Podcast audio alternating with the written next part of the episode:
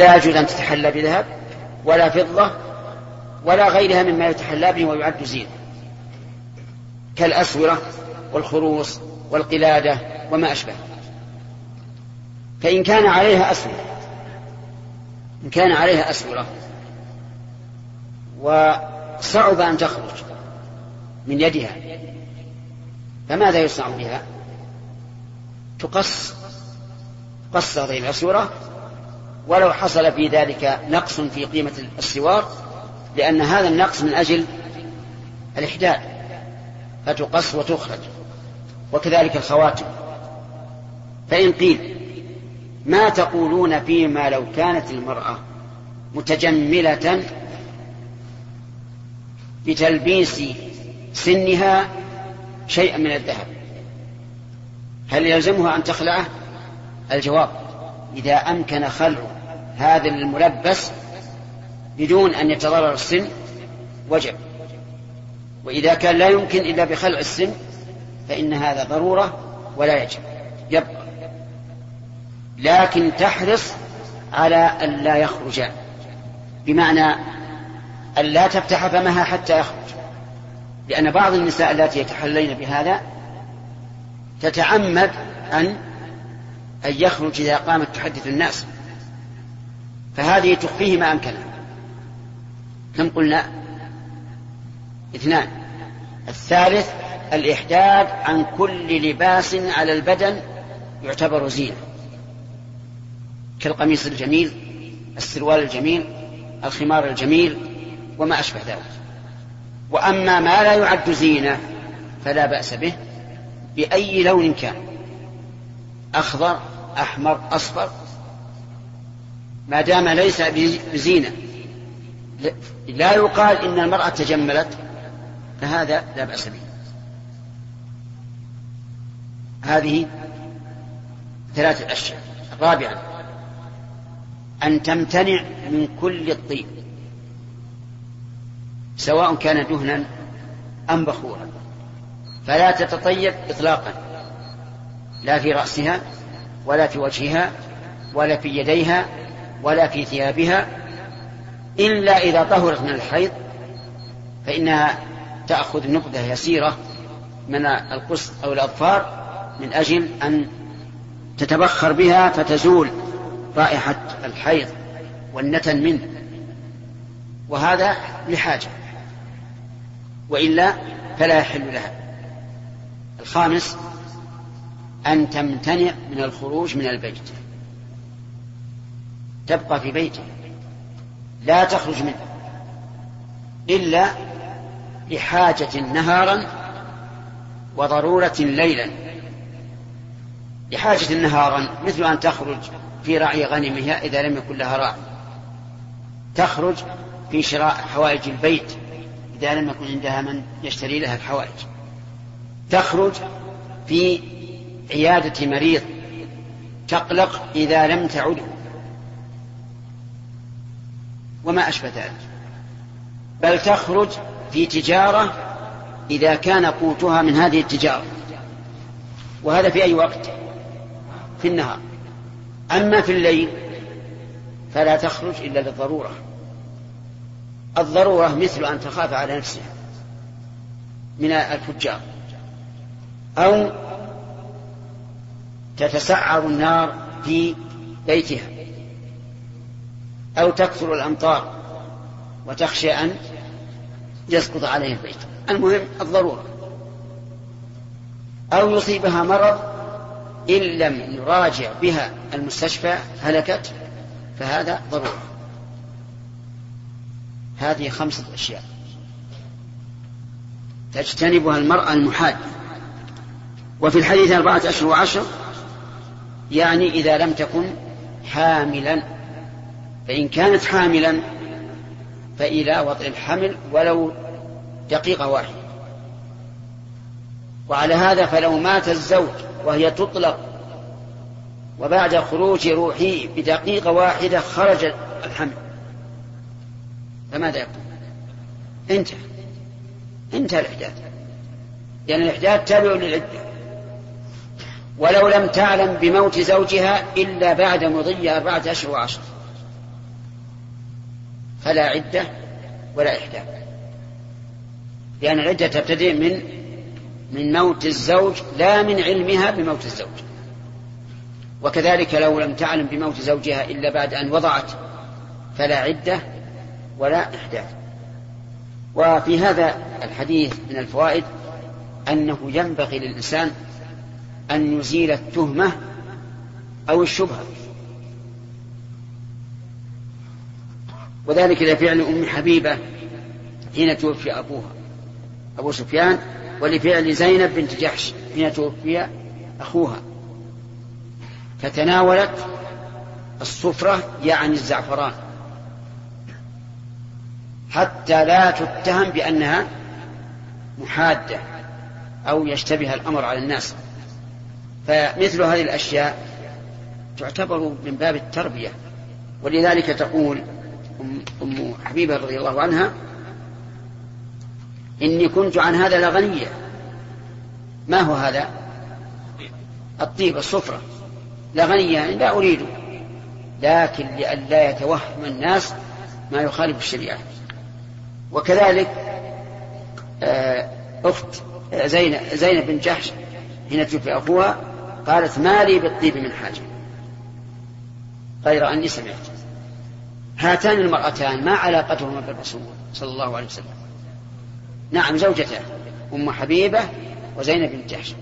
وفي هذا الحديث أيضا من الفوائد أنه ينبغي إعلان الأحكام الشرعية التي يحتاج الناس إليها ولو على المنبر لفعل الرسول صلى الله عليه وعلى آله وسلم.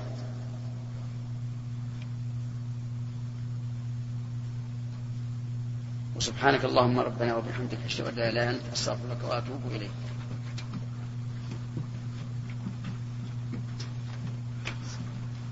السلام عليكم. العالمين.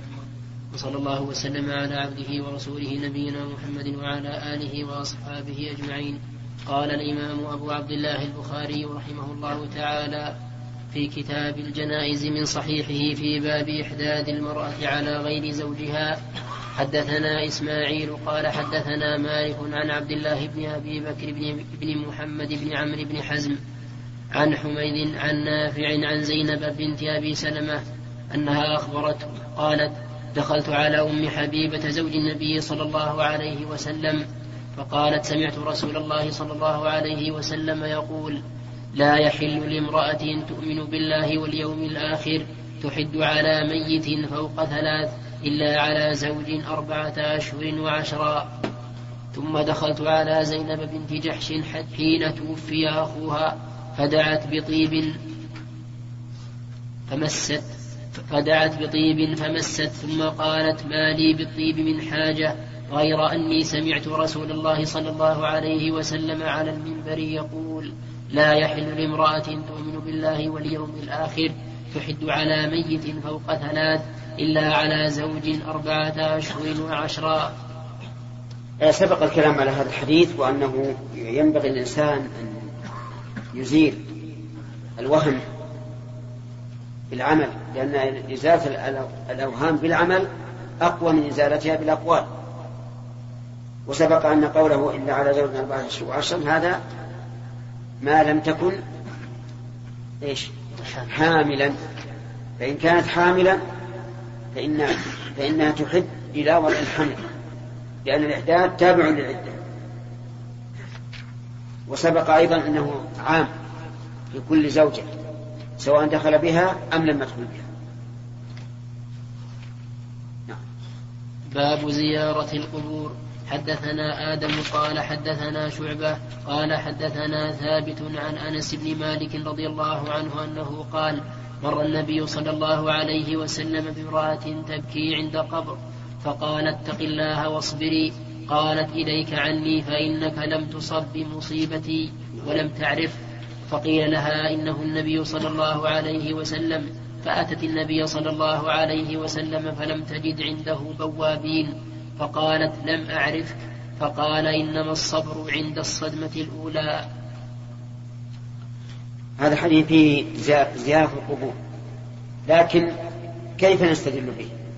على أنه على ثبوت زيارة القبور لأنه يقول مر النبي صلى الله, صلى الله عليه وسلم بامرأة تبكي عند قبر. وهذا يدل على أن النبي صلى الله عليه وسلم زار المقبرة.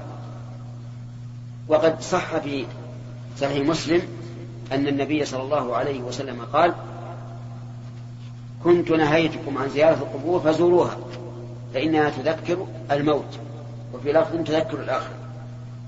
فزيارة القبور سنة ولكنها لمصلحة أهل القبور لا لمصلحة الزائر إلا في الأجر الذي يحصل له بالزيارة.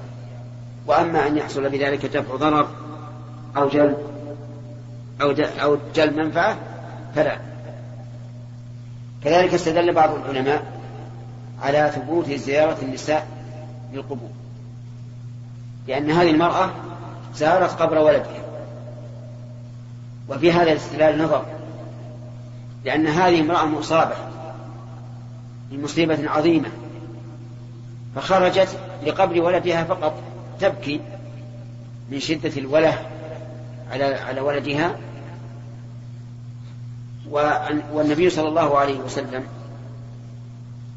قال لها اتق الله واصبر. يعني اصبري على المصيبة. ولا تبكي عند القبر. إلا أن المرأة كانت مصيبتها شديدة ولهذا قالت إنك لم تصب بمصيبتك. وطلبت منه أن يبتعد عنها ولم تعلم أنه الرسول صلى الله عليه وسلم فلما علمت أنه الرسول صلى الله عليه وسلم جاءت تعتذر. لأنها لم تعرف فقال لها إنما الصبر عند الصدمة الأولى أي صدمة المصيبة الأولى. ولذلك ينبغي الإنسان إذا أراد أن يصبر حقيقة على المصائب أن يتلقى المصيبة من أولها بالصبر.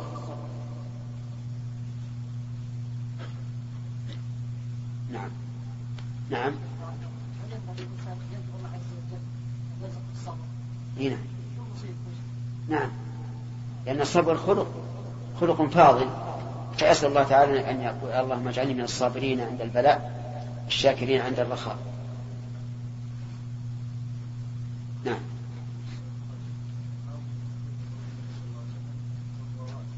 نعم. نعم. نعم. هذا غلط. هذا غلط عظيم. فقد قال زائرات ويكون زائرات فيها زيادة علم لأنها تدل على المرة الواحدة بخلاف زوارات. على أن زوارات يقول شيخ الإسلام رحمه الله إنه جمع باعتبار الزائرات لا باعتبار الزيارة المكررة بل باعتبار الزائرات. ومن أراد العلم في هذه المسألة فعليه بما كتبه شيخ الإسلام رحمه الله في الفتاوى فإنه كتابة جيدة لا تكاد تجد في غيره نعم.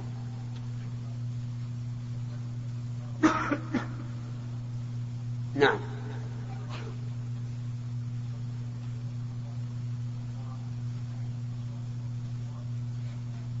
لا قلنا بالنسبة للزائر له أجر لا شك. لمصلحته وتضييق قلبه. لكن لا ذكرنا لا لأجل أن يدفع أن يدفع بهم الضرر أو يجلب النار نعم.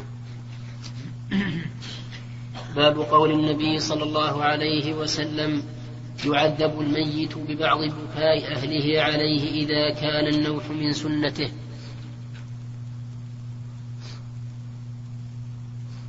فهد الشيبان يقول مطلوب عند الباب. يذهب إلى إلى طالب. نعم. باب قول النبي صلى الله عليه وسلم يعذب الميت ببعض بكاء أهله عليه إذا كان النوح من سنته. لقول الله تعالى قوا أنفسكم وأهليكم نارا. وقال النبي صلى الله عليه وسلم كلكم راع ومسؤول عن رعيته فإذا لم يكن من سنته فهو كما قالت عائشة رضي الله عنها لا تزر وازرة وزر أخرى. وهو كقوله وإن تدع مثقلة ذنوبا إلى حملها لم يحمل منه شيء. وما يرى وما يرخص من البكاء من, غو من غير نوح. في عندي في غير. من ولا في؟ من. طيب. عجيب إنه ما أشار للمصر كلكم عندكم فيه ولا؟ ها؟ من.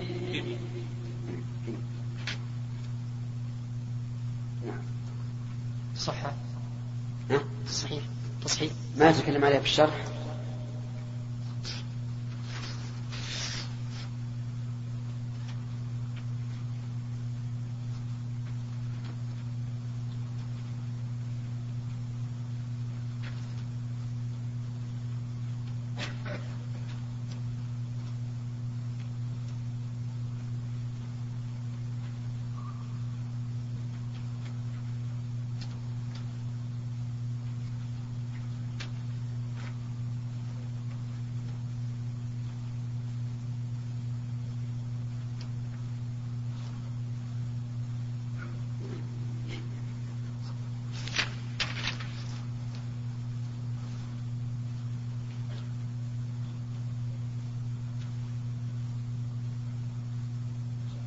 وش يقول؟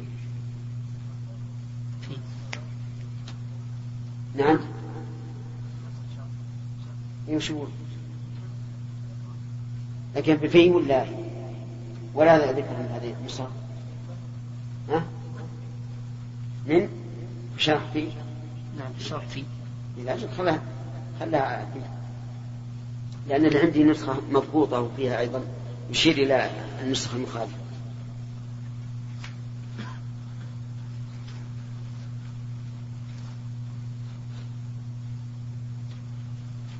وما يرخص من البكاء في غير نوح.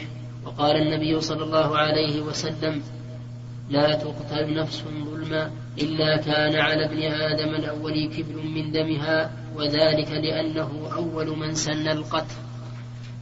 هذا الباب يقول البخاري رحمه الله باب قول النبي صلى الله عليه وسلم يعذب الميت ببعض بكاء أهله عليه.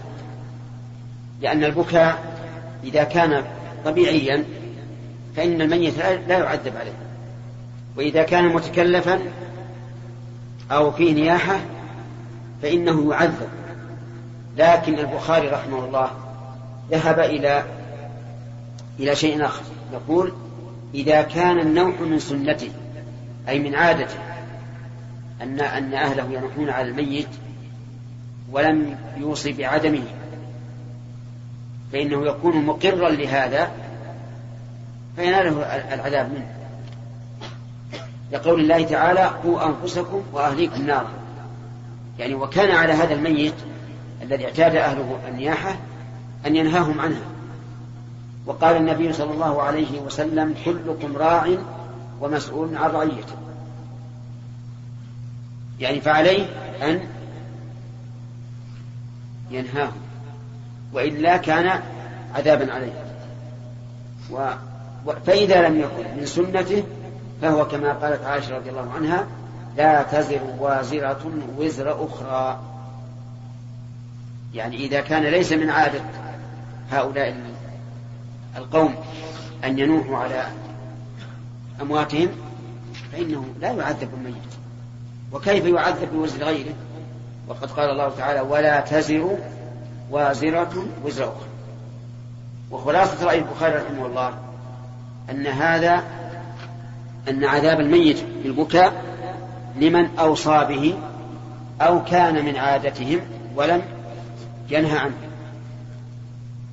ولكن الصحيح خلاف ذلك. الصحيح أنه يعذب لكن ليس عذاب عقوبة. لقوله تعالى ولا تزر وازرة وزر أخرى ولكنه يعلم عن الميت ببكاء أهله فيتألم. يتألم من هذا. وهو كقول النبي صلى الله عليه وعلى آله وسلم السفر قطعة من العذاب. ومعلوم أن المسافر لا يعذب ليس أحد يعاقبه ويضربه ويحبسه وما أشبه ذلك.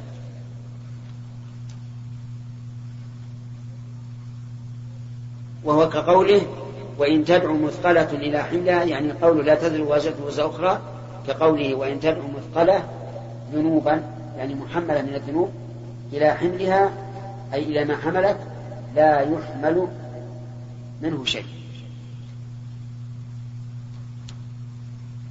نعم.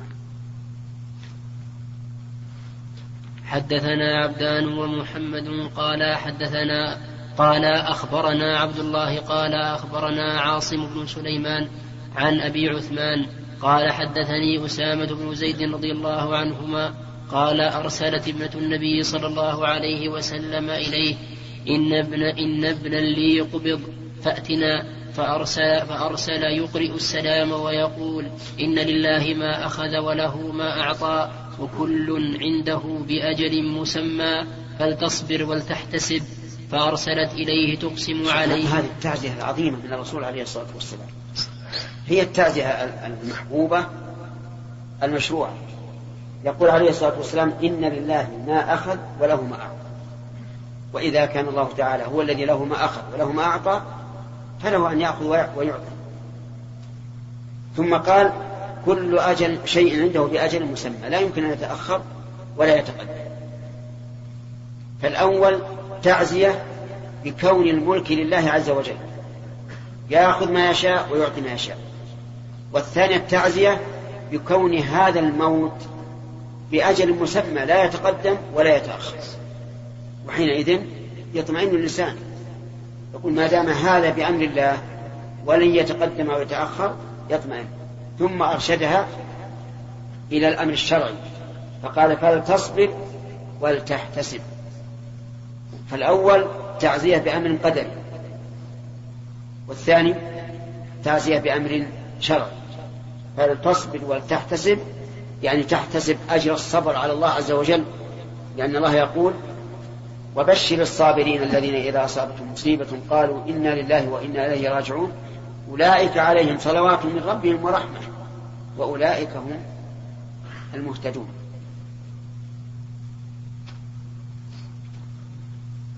طيب وإن كان الإنسان لم يحفظ هذا الحديث فبماذا يعزي؟ يعزي بكلمات من عنده لكن بمعنى هذا الحديث. نعم. فأرسلت إليه تقسم عليه ليأتينها فقام ومعه سعد بن عبادة ومعاذ بن جبل وأبي بن كعب وزيد بن ثابت ورجال فرفع إليه فرفع إلى رسول الله صلى الله عليه صلى الله عليه وسلم الصبي ونفسه تتقعقع. قال حسبته أنه قال كأنها شن ففاضت عيناه فقال سعد يا رسول الله ما هذا؟ فقال هذه رحمة جعلها الله في قلوب عباده وإنما يرحم الله من عباده الرحماء. نعم. إذا قوله في الأول إن ابن إن ابنا لي قبض يعني كاد أن كاد يقبض لأن الرسول صلى الله عليه وعلى آله وسلم أدركه قبل أن يموت. وفيه دليل على حسن خلق النبي صلى الله عليه وسلم ويدل لهذا أن ابنته أقسمت عليه يحضر فحضر عليه الصلاة والسلام. ومعه أناس. رفع الصبي إليه ونفسه تتقعقع يعني يكون لها صوت. كأنها شن. يعني كأنما يضرب على شن وهو القربة اليابس القديمة. فبكى رسول الله صلى الله عليه وسلم. فاضت عيناه من البكاء وقال إنها رحمة. جعل الله جعلها الله في قلوب عباده وإنما يرحم الله من عباده الرحمة. ولا شك أن الإنسان إذا كان بين يديه الصبي تتقعقع نفسه. لا شك أنه سيرحمه مهما كان. وسيبكي. لأن هذا التقعقع لا شك أنه ألم شديد يدركه هذا الصبي. وفيه أيضا دليل على أن من وفق لرحمة الخلق فإنه موفق لرحمة الخالق عز وجل. لقوله إنما يرحم الله من عباده الرحمة ولهذا ينبغي لك أن تعود قلبك على رحمة الخلق. وأن تجعل ما في الخلق كأنما أصابك أنت أو أهلك. فترحمهم. وتقدر أحوالهم التي هم عليها. نعم. حدثنا عبد الله بن محمد قال حدثنا أبو عامر قال حدثنا فليح بن سليمان عن بلال بن علي عن أنس بن مالك رضي الله عنه أنه قال شهدنا بنتا لرسول الله صلى الله عليه وسلم. قال و قال ورسول الله صلى الله عليه وسلم جالس على القبر. قال فرأيت عينيه تدمعان. قال فقال هل منكم رجل لم يقارف الليلة؟ فقال أبو طلحة أنا. قال فانزل. قال فنزل في قبرها. في هذا دليل على أنه يجوز أن ينزل في قبر المرأة لتلحيدها من ليس من محارمها مع وجود المحارم. لأن هذه البنت هي زوجة عثمان رضي الله عنه. أبوها حاضر والنبي صلى الله عليه وسلم حاضر وزوجها حاضر ومع ذلك أمر أبا طلحة أن ينزل في قبرها وأما قول العوام إنه لا يجوز أن ينزل في قبر المرأة إلا من كان من محارمها فهذا لا ليس له أصل. حتى إن بعض العوام قال إنه يجب على المرأة أن تصطحب المحرمة في السفر من أجل إذا ماتت يفك حزائم كفنها المحرم. جعلوا هذه العلة. نعم. والعوام كما تعلمون هو. نعم. حدثنا عبدان قال حدثنا عبد الله قال أخبرنا قال أخبرنا ابن جريج قال أخبرني عبد الله بن عبيد الله بن أبي مليكة قال توفيت ابنة لعثمان رضي الله عنه بمكة وجئنا لنشهدها وحضرها ابن عمر وابن عباس رضي الله عنهم وإني لجالس بينهما أو قال جلست إلى أحدهما ثم جاء الآخر فجلس إلى جنبي فقال عبد الله بن عمر رضي الله عنهما لعمرو بن عثمان ألا تنهى عن البكاء؟ فإن رسول الله صلى الله عليه وسلم قال إن الميت ليعذب ببكاء أهله عليه. فقال ابن عباس رضي الله عنهما قد كان عمر رضي الله عنه يقول يقول بعض ذلك ثم حدث قال صدرت مع عمر رضي الله عنه من مكة حتى إذا كنا بالبيداء إذا هو بركب تحت ظل سمرة فقال اذهب فانظر من هؤلاء الركب. قال فنظرت فإذا صهيب فأخبرته. قال فنظرت فإذا صهيب فأخبرته. فقال ادعه لي. فرجعت إلى إلى صهيب فقلت ارتحل فالحق بأمير المؤمنين. فلما أصيب عمر دخل صهيب يبكي يقول وأخاه وصاحباه فقال عمر رضي الله عنه يا صهيب أتبكي علي؟ وقد قال رسول الله صلى الله عليه وسلم إن الميت يعذب ببعض بكاء أهله عليه. قال ابن عباس رضي الله عنهما فلما مات عمر رضي الله عنه ذكرت ذلك لعائشة رضي الله عنها فقالت رحم الله عمر والله ما حدث رسول الله صلى الله عليه وسلم أن الله ليعذب المؤمن إن الله ليعذب المؤمن ببكاء أهله عليه. ولكن رسول الله صلى الله عليه وسلم قال إن الله ليزيد الكافر عذابا ببكاء أهله عليه. وقالت حسبكم القرآن ولا تزر وازرة وزر أخرى. قال ابن عباس رضي الله عنهما عند ذلك. والله هو أضحك وأبكى والله هو أضحك وأبكى. قال ابن أبي مليكة والله ما قال ابن عمر رضي الله عنهما شيئا. هذه القصة كما تعلمون فيها اختلاف بين الصحابة رضي الله عنهم. وهل يؤخذ الحديث على ظاهره إن الميت يعذب ببكاء أهله عليه؟ أو أن المراد البكاء الذي يخرج عن العادة وعن ما تقتضيه النفوس وهذا هو الأصح أن المراد بالبكاء الذي يخرج عن العادة ويكون متكلفا. أما البكاء الذي تقتضيه الطبيعة هذا لا يعذب عليه الميت قد سواء شعر به أم لم يشعر.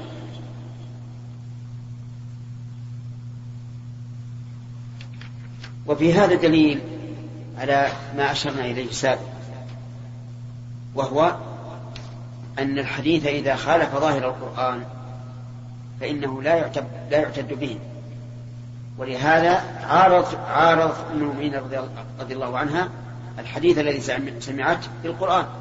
ولا تزر وازرة وزر لكنها رضي الله عنها فهمت أن العذاب هو العقوبة ومعلوم أنه لا يعاقب إنسان بعمل غيره. فإذا حملنا العذاب على ما أشرنا إليه أنه هو إيش؟ التألم والتململ مما حصل زال الإشكال. ولم يكن في الحديث معارضة للآية والله أعلم. قال رحمه الله تعالى في باب قول النبي صلى الله عليه وسلم يعذب الميت ببعض بكاء أهله عليه إذا كان النوح من سنته. حدثنا عبد الله بن يوسف قال أخبرنا مالك عن عبد الله بن أبي بكر عن أبيه عن عمرة البخاري رحمه الله يقول ببعض بكائه احترازا من البكاء الذي يأتي تأتي به الطبيعة والجبلة فإنه لا يعذب به لكن يعذب بالبكاء الذي أوصى به. من النياحة فاحترز رحمه الله بقول ببعض من هذا التفصيل الذي ذكرنا نعم.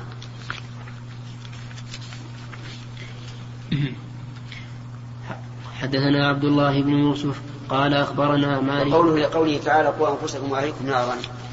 يعني كأنه يشير إلى أنه إذا كان النوح من سنتهم وعادتهم يجب عليه أي على الميت أن يوصيهم بأن لا ينوحوا لأن الله قال قوا أنفسكم وأهليكم نارا.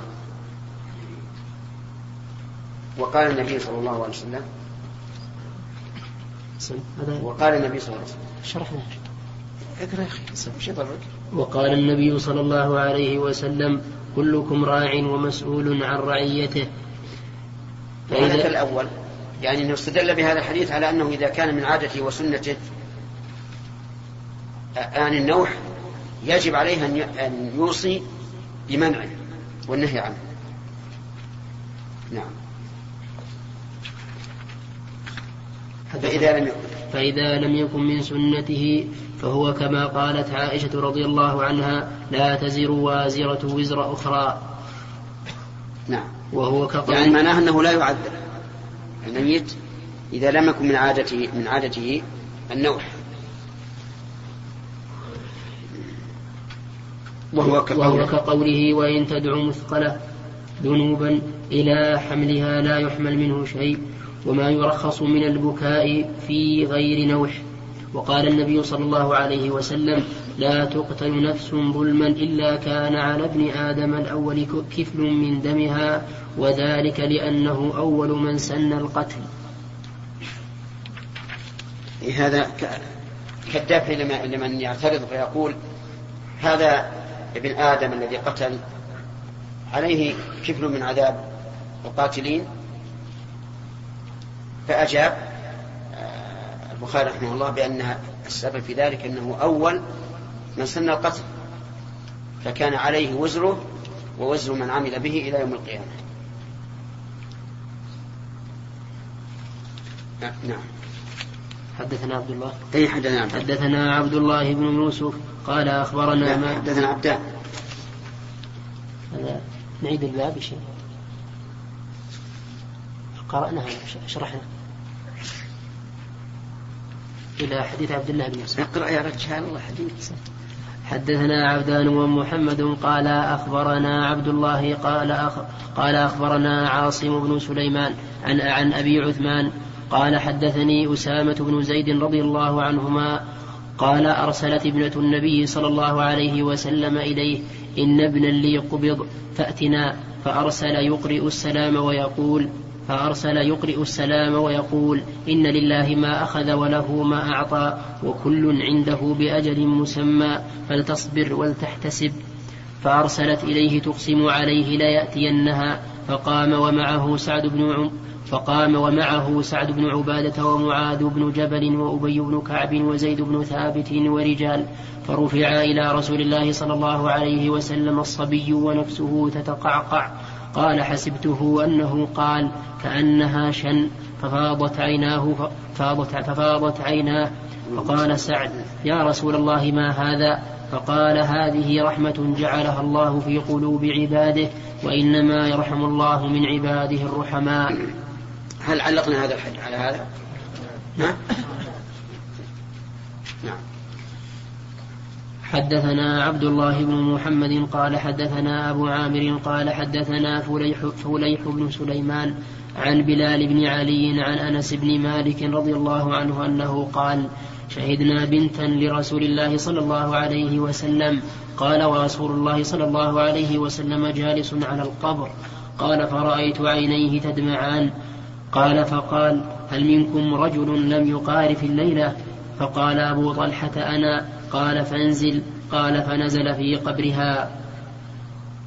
قوله في الحديث ورسول الله صلى الله عليه وسلم جالس على القبر يعني عنده. كما تقول واقف على القبر يعني عنده. وهذا أيضا علقنا عليه ولا نعم. طيب. نعم. حدثنا عبدان قال حدثنا عبد الله قال أخبرنا قال أخبرنا ابن جريج قال أخبرني عبد الله بن عبيد الله بن أبي مليكة قال توفيت ابنة لعثمان رضي الله عنه بمكة وجئنا لنشهدها وحضرها ابن عمر وابن عباس رضي الله عنهم وإني لجالس بينهما أو قال جلست إلى أحدهما ثم جاء الآخر فجلس إلى جنبي فقال عبد الله بن عمر رضي الله عنهما لعمرو بن عثمان ألا تنهى عن البكاء؟ فإن رسول الله صلى الله عليه وسلم قال إن الميت ليعذب ببكاء أهله عليه. فقال ابن عباس رضي الله عنهما قد كان عمر رضي الله عنه يقول بعض ذلك ثم حدث ثم حدث قال قال صدرت مع عمر رضي الله عنه من مكة حتى إذا كنا بالبيداء إذا هو بركب تحت ظل سمرة فقال فقال اذهب فانظر من هؤلاء الركب. قال فنظرت فإذا صهيب فأخبرته فقال ادعه لي. فرجعت إلى صهيب فقلت ارتحل فالحق بأمير المؤمنين. فلما أصيب عمر دخل صهيب يبكي يقول وأخاه وصاحباه فقال عمر رضي الله عنه يا صهيب أتبكي علي وقد قال رسول الله صلى الله عليه وسلم إن الميت يعذب ببعض بكاء أهله عليه. قال ابن عباس رضي الله عنهما فلما مات عمر رضي الله عنه ذكرت ذلك لعائشة رضي الله عنها فقالت رحم الله عمر والله ما حدث رسول الله صلى الله عليه وسلم أن الله لا يعذب أن الله لا يعذب المؤمن ببكاء أهله عليه. حدث؟ والله ما حدث رسول الله صلى الله عليه وسلم أن الله إن الله.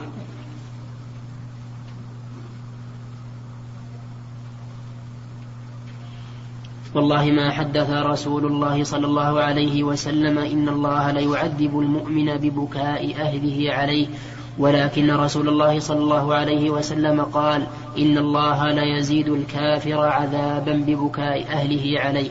وقالت حسبكم القرآن ولا تزر وازرة وزر أخرى. قال ابن عباس رضي الله عنهما عند ذلك والله هو أضحك وأبكى. قال ابن أبي مليكة والله ما قال ابن عمر رضي الله عنهما شيئا. فما نفته عائشة رضي الله عنها واستدل بالآية يراد به العذاب الذي هو العقوبة.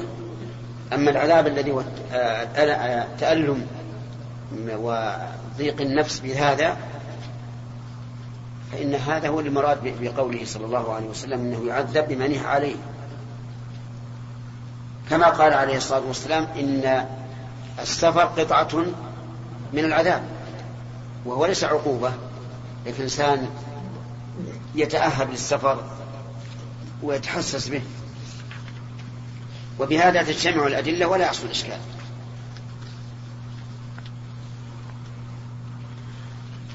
حدثنا عبد الله بن يوسف قال أخبرنا مالك عن عبد الله بن أبي بكر عن أبيه عن عمرة بنت عبد الرحمن أنها أخبرته أنها سمعت عائشة رضي الله عنها زوج النبي صلى الله عليه وسلم. قالت إنما مر رسول قالت إنما مر رسول الله صلى الله عليه وسلم على يهودية يبكي عليها أهلها فقال إنهم ليبكون عليها وإنها لتعذب في قبرها. حدثنا إسماعيل بن خليل قال حدثنا علي بن مسهر قال حدثنا أبو إسحاق وهو الشيباني عن أبي بردة عن أبيه قال أصيب عمر رضي الله عنه قال لما أصيب عمر رضي الله عنه جعل صهيب يقول وأخاه فقال عمر أما علمت أن النبي صلى الله عليه وسلم قال إن الميت ليعذب ببكاء الحي نعم. بعد هل هل يقول البخاري رحمه الله ومن وافق وجه في ذلك أم أم أنه زايد على ما رجحنا أيضا؟ شيخ رجحنا أن المراد بالعذاب هنا التأدي نعم نعم. كما نظرنا لكن هل أيضا يقول أن من أوصى أهله أو كان من عادته ولمن هم هذا أحد الأجوبة. هذا أحد الأجوبة التي أجاب بها من جعل من ظن أن العذاب هو العقوبة. قال إن هذا بما أوصى به أو كان أهله يفعلونه ولم ينهوا. لكن لو كان فعلا هذا الأمر. نعم. لو كان أوصاهم أو كان عادتهم ولم ينهوا. هل يعذب؟ إيه. معلوم. إذا أوصاهم ما في شك أنه يعذب إذا لم يوصهم ولكن من عادتهم أن يفعلوا فهذا محل تردد لأنه قد يكون منعه من نهيهم الخوف أو العجز أو ما أشبه ذلك. طيب شيخ إذا قلنا بهذا هل يدخل في الحديث هذا أم في أدلة أخرى؟ نعم. هل يدخل في هذا الحديث أن الميت يعذب لا. أهله؟ يحمل هذا الحديث على الأدلة الأخرى. أنه يعذب إذا كان أمر به أو صادق أو إذا كان من عادتهم ولم ينهوا أو أن المراد أن, أن الكافر يعذب ببكاء أهله عليه. نعم. أحسن الله عليك يا شيخ. ما فائدة قول النبي صلى الله عليه وآله وسلم من منكم لم يقارف الليل نعم. الفائدة أنه أن المراد لم يقارف يعني لم يجامع. أنه لم يجامع. والعلماء رحمه الله تكلموا في السبب لماذا قال؟ هل لأن عثمان رضي الله عنه كان قد تزوج وأنه قارف تلك الليلة وخاف أن ينزل في قبرها؟ فقال أيكم لم يقارف الليلة؟ أو ما ندري ما الله أعلم. ثلاثة؟ نعم. قول عائشة قوله ولا تزر وزر وكقوله مثقلة ذنوبا إلى حملها إيش؟ كقوله واتبع مثقلة ذنوبا إلى حملها.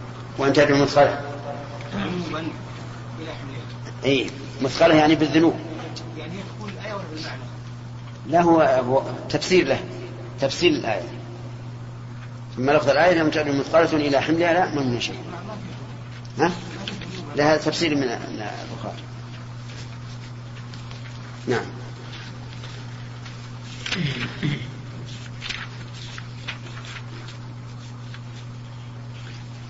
باب ما يكره من النياحة على الميت وقال عمر رضي الله عنه دعهن يبكين على أبي سليمان ما لم يكن نقع أو لقلقة والنقع التراب على الرأس واللقلقة الصوت. حدثنا أبو بأبو سل- بأبي سليمان خالد بن الوليد. كتب القصة؟ الشرع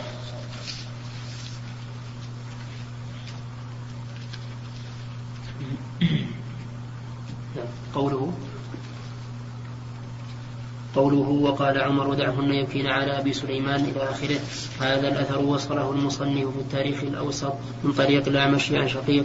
قال لما مات خالد بن الوليد اجتمع نسوة بني المغيرة. أي بن عبد الله بن عمرو بن مخزوم وهن بنات عم خالد بن الوليد بن المغيرة يبكين عليه. فقيل لعمر أرسل إليهن فأنههن فذكره وأخرجه ابن سعد عن وكيع وغير, وغير واحد عن الأعمش. قوله ما لم يكن نقع. كم؟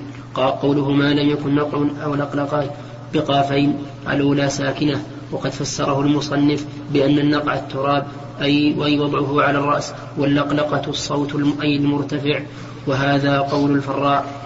فأما تفسير اللقلقة فمتفق عليه كما قال أبو عبيد في غريب الحديث.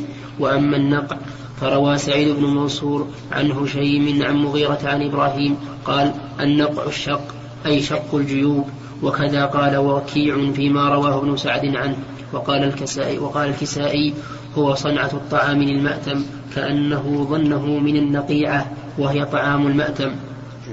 والمشهور أن أن النقيعة طعام القادم من السفر كما كما سيأتي في آخر الجهاد. وقد أنكره أبو عبيد عليه وقال وقال الذي رأيت عليه أكثر أهل العلم أنه أنه رفع الصوت. يعني نعم. هو؟ الذي رأيت عليه أكثر أهل العلم أنه أنه رفع الصوت يعني بالبكاء. وقال بعضهم هو وضع التراب على الرأس لأن النقع هو الغبار وقيل هو شق الجيوب وهو قول شمر وقيل هو صوت لطم الخدود حكاه الأزهري.